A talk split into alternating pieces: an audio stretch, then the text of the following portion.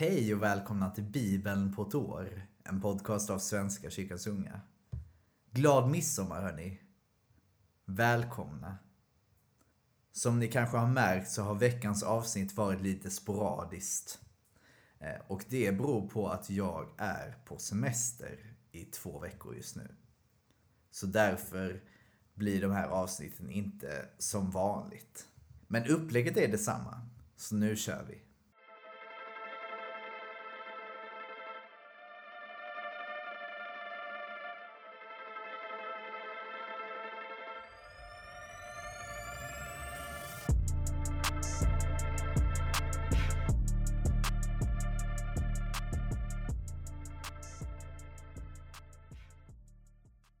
Tack Gud för idag. Tack för den sommar som du har skapat Gud. Tack för midsommar. Låt det få bli en fin dag. Med glädje och skratt.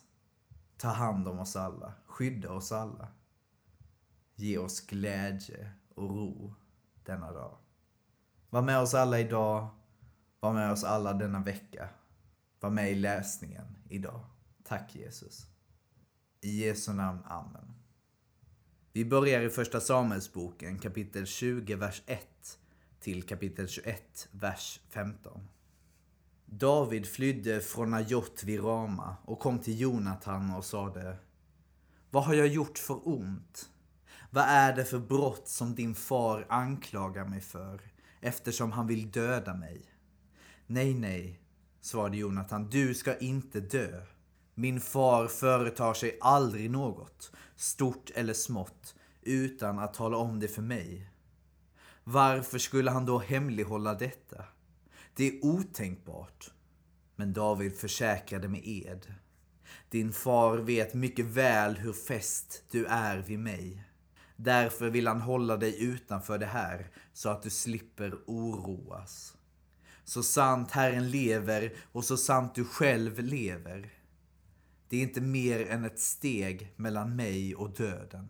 Jonathan sade, allt vad du vill ska jag göra för dig. David svarade, imorgon är det nymånadsfest och då skulle jag egentligen sitta till bords med kungen. Men låt mig istället gå och gömma mig ute på fälten tills kvällen kommer.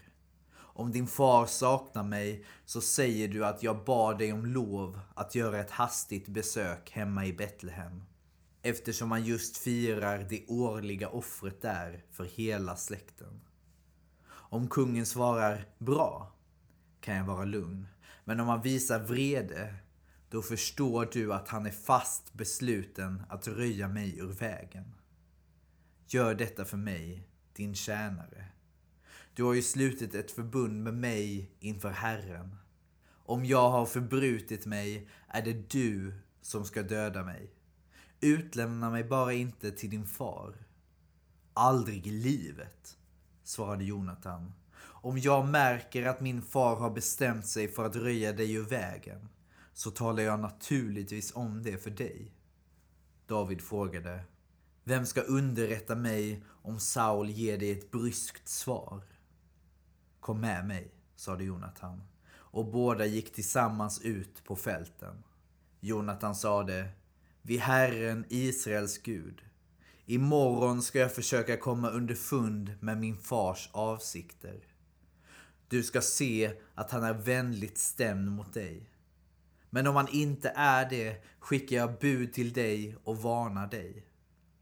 Vill han ditt fördärv, då må Herren straffa mig nu och framgent, om jag inte varnar dig, så att du kan fly och sätta dig i säkerhet. Må Herren vara med dig, så som han har varit med min far. Så länge jag lever måste du vara barmhärtig mot mig, liksom Herren är barmhärtig. Och efter min död får du aldrig upphöra att visa barmhärtighet mot min släkt. När Herren utplånar alla Davids fiender från jordens yta får Jonatans namn inte utplånas ur Davids släkt. Om så sker må Herren ta hämnd på David. Så bekräftade Jonatan åter sin kärlek till David med en ed. ty han älskade honom lika högt som sitt eget liv. Imorgon är det nymånadsfest, fortsatte Jonathan. Då märks det att du är borta när din plats står tom. Men i övermorgon ska du gå ner till det ställe där du gömde dig förra gången och stanna vid kullen. Och då kommer jag och skjuter pilar åt det hållet, som om jag sköt till måls. Jag skickar en pojke att leta efter pilarna och om jag då ropar till honom, den ligger längre hitåt, hämta den. Då kan du komma fram och känna dig lugn. Då är det ingen fara och färde, så sant Herren lever. Men om jag ropar åt pojken, pilen ligger längre bort, då måste du ge dig av. Då sänder Herren iväg dig. Vad vi har lovat varandra, du och jag, det vakar Herren över för all framtid.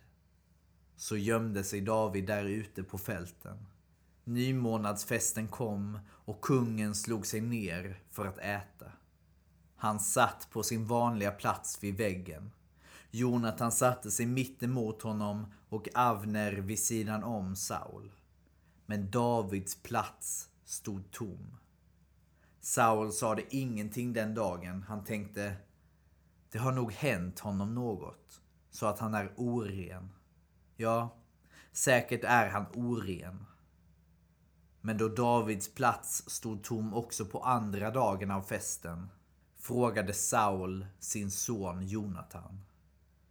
Varför har inte Jishais son kommit till måltiden vare sig igår eller idag? Jonathan svarade. David bad mig om lov att gå till Betlehem. Han sade, låt mig få gå, vår släkt håller offerfest i staden och mina bröder vill att jag ska vara med. Om du är min vän, låt mig då slippa iväg så att jag får träffa mina bröder. Det är därför han inte kommit till kungens bord. Då blev Saul rasande och for ut mot Jonatan. Din horunge! Var det inte det jag visste? Att du hänger ihop med den där Jishais son och drar skam över både dig själv och din slinka till mor. Så länge Jishais son trampar denna jord, så länge blir du aldrig kung i landet. Skicka nu efter honom, han måste dö. Varför ska han dödas? Frågade Jonathan. Vad har han gjort? Då höjde Saul sitt spjut för att spetsa honom. Och nu förstod Jonathan att hans far var fast besluten att döda David. I vredesmod rusade han upp och lämnade bordet. Och denna andra dag av festen åt han ingenting. Så upprörd var han över Sauls skändliga behandling av David. Nästa morgon gick Jonathan ut på fälten, så som han hade avtalat med David. Han hade en liten pojke med sig och sade till honom Spring och leta rätt på pilarna som jag skjuter. Pojken sprang och Jonathan sköt en pil över honom. Men när pojken kom fram till den plats där pilen slagit ned ropade Jonathan efter honom. Den ligger längre bort. Skynda dig och spring. Stanna inte. Pojken plockade upp pilen och kom tillbaka med den till sin herre. Han anade ingenting, men Jonathan och David visste vad det gällde. Sedan lämnade Jonathan sina vapen till pojken och sade åt honom att ta med dem till staden. När han gått reste sig David från sitt gömställe vid kullen och föll ner med ansiktet mot jorden och hälsade Jonathan tre gånger. De kysste varandra under tårar och till slut grät David våldsamt. Då sade Jonathan till honom Farväl. Vi båda har svurit varandra en ed i Herrens namn. Herren ska vaka över förbundet mellan mig och dig och mellan våra efterkommande för all framtid. Så gick David sin väg medan Jonathan återvände till staden. David kom till Nov och där skyndade prästen Achimelek oroligt emot honom. Varför kommer du ensam? frågade han. Har du ingen med dig? Jag är här på uppdrag av kungen, svarade David. Och han har förbjudit mig att säga vilket ärende och vilka åtgärder det gäller. Jag har gett mina män besked om var vi ska mötas. Har du fem bröd, så låt mig få dem eller vad som annars finns till hands. Prästen svarade, något vanligt bröd har jag inte. Bara heligt bröd, om nu dina män har avhållit sig från kvinnor. Ja, försäkrade David, kvinnor har varit förbjudna för oss. Som alltid när jag har dragit i fält. Och om manskapets utrustning är helgad redan i vanliga fall, så är den ännu mer helgad idag. Då gav prästen honom av det heliga, eftersom det inte fanns något annat bröd än skådebröden som hade legat inför Herren, men ersatts med färskt bröd. Den dagen var en av Sauls tjänare kvar i templet, Doeg från Edom, den främste bland Sauls herdar. David frågar nu Achimelek om han hade något spjut eller svärd till hands. Det var så bråttom med kungens ärende att jag inte fick med mig vare sig svärd eller något annat. Prästen svarade, svärdet som Goliat hade, filisten du dräpte i Terebintdalen, ligger bakom efoden, insvept i en mantel. Det kan du ta om du vill. Något annat finns här inte. David svarade, det har inte sin like. Ge mig det. Samma dag flydde David vidare undan Saul och kom till Akish, kungen i Gat. Akishs tjänare frågade sin herre, är inte det där David, landets kung? Var det inte honom de hyllade när de dansade och sjöng? Saul har slagit tusen, David tiotusen. David fäste sig vid deras ord och började bli rädd för Akish, kungen i Gat. När folk såg på spelade han vansinnig och när de tog hand om honom var han som förryckt, bankade på dörrarna i stadsporten och dreglade i skägget. Då sade Akish till sina tjänare, ni ser väl att karen är galen. Varför har ni skickat på mig honom? Har jag så ont om dårar att ni måste ta hit den där för att plåga mig med sina galenskaper. En sådan får inte komma in i mitt hus. Jag har en väldigt spännande text idag tyckte jag. Väldigt fint också hur Jonathan räddade David. Och vilken eh, smart plan de hade. Vi fortsätter i Johannesevangeliet, kapitel 9, vers 1 till 41. Där Jesus kom gående fick han se en man som hade varit blind från födseln. Lärjungarna frågade honom, Rabbi, vem har syndat, han själv eller hans föräldrar, eftersom han föddes blind? Jesus svarade, varken han eller hans föräldrar har syndat men Guds gärningar skulle uppenbaras på honom. Medan dagen varar måste vi göra hans gärningar som har sänt mig. Natten kommer då ingen kan arbeta. Så länge jag är i världen är jag världens ljus. Sedan spottade han på marken, gjorde en deg med spottet och strök degen på mannens ögon och sade Gå och tvätta dig i Siloadammen. Siloa betyder utsänd. Mannen gick dit och tvättade sig och kom tillbaka seende. Hans grannar och de som förut hade sett honom som tiggare sade Är det inte han som satt och tiggde? Några sade Jo, det är han. Och andra Nej, men han är lik honom. Själv sade han Det är jag. Då frågade de hur öppnades dina ögon?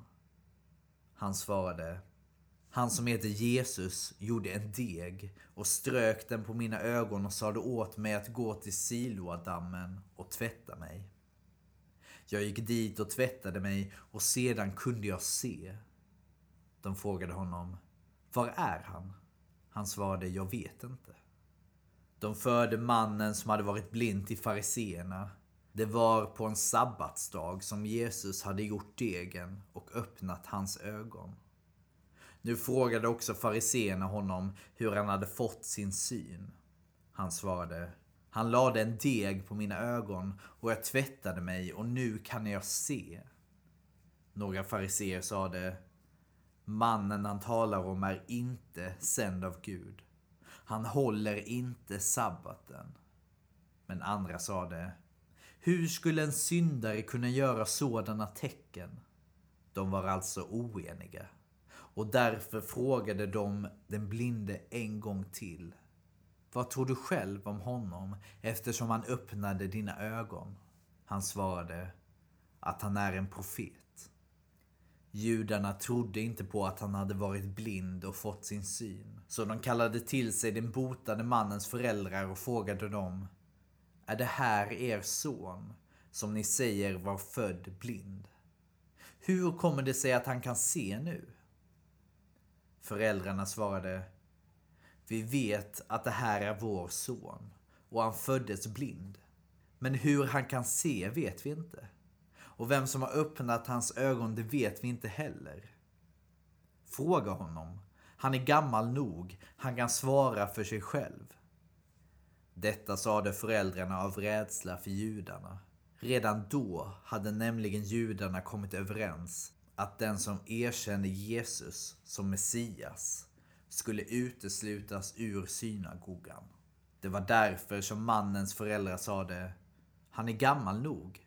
Fråga honom själv. För andra gången kallade de alltså till sig mannen som hade varit blind och sade till honom Ge Gud äran. Vi vet att den här mannen är en syndare.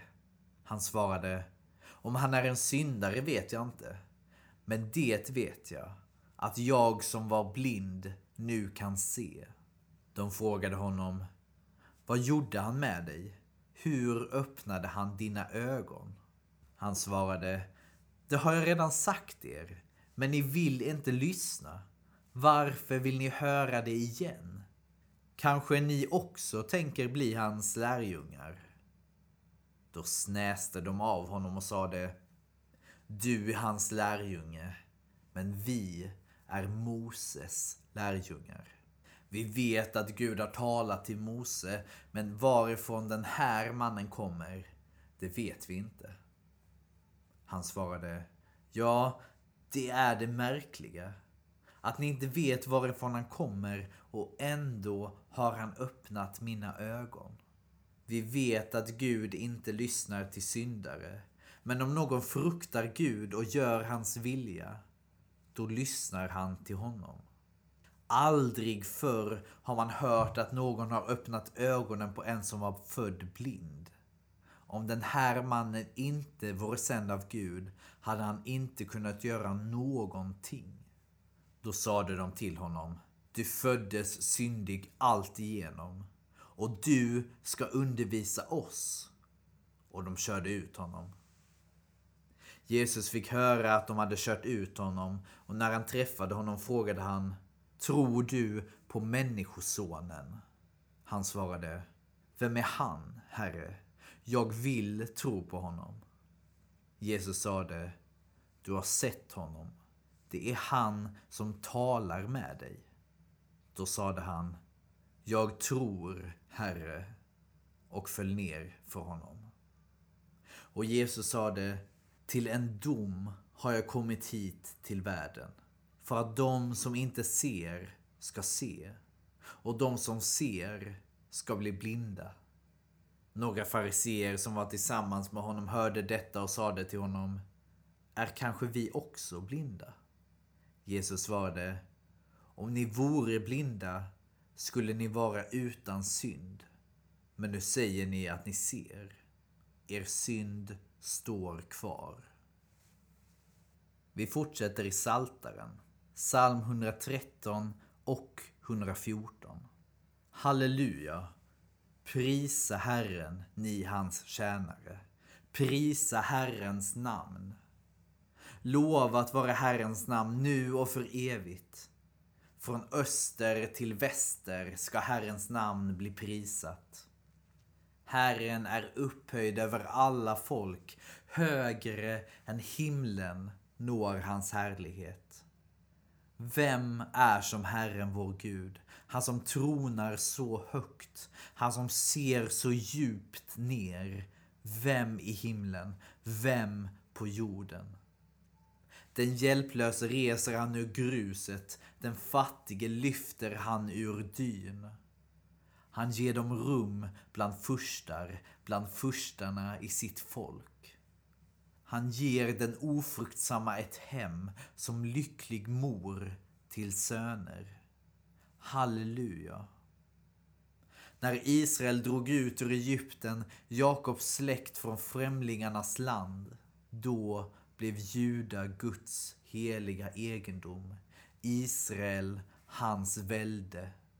Havet såg det och flydde. Jordans vatten vek undan. Bergen hoppade som baggar och höjderna som lamm. Hav, vad fick dig att fly? Jordan, varför vek du undan? Berg, varför hoppar ni som baggar och ni höjder som lamm? Bäva för härskaren du jord. Bäva för Jakobs Gud. Han som gör klippan till sjö och flintan till källsprång.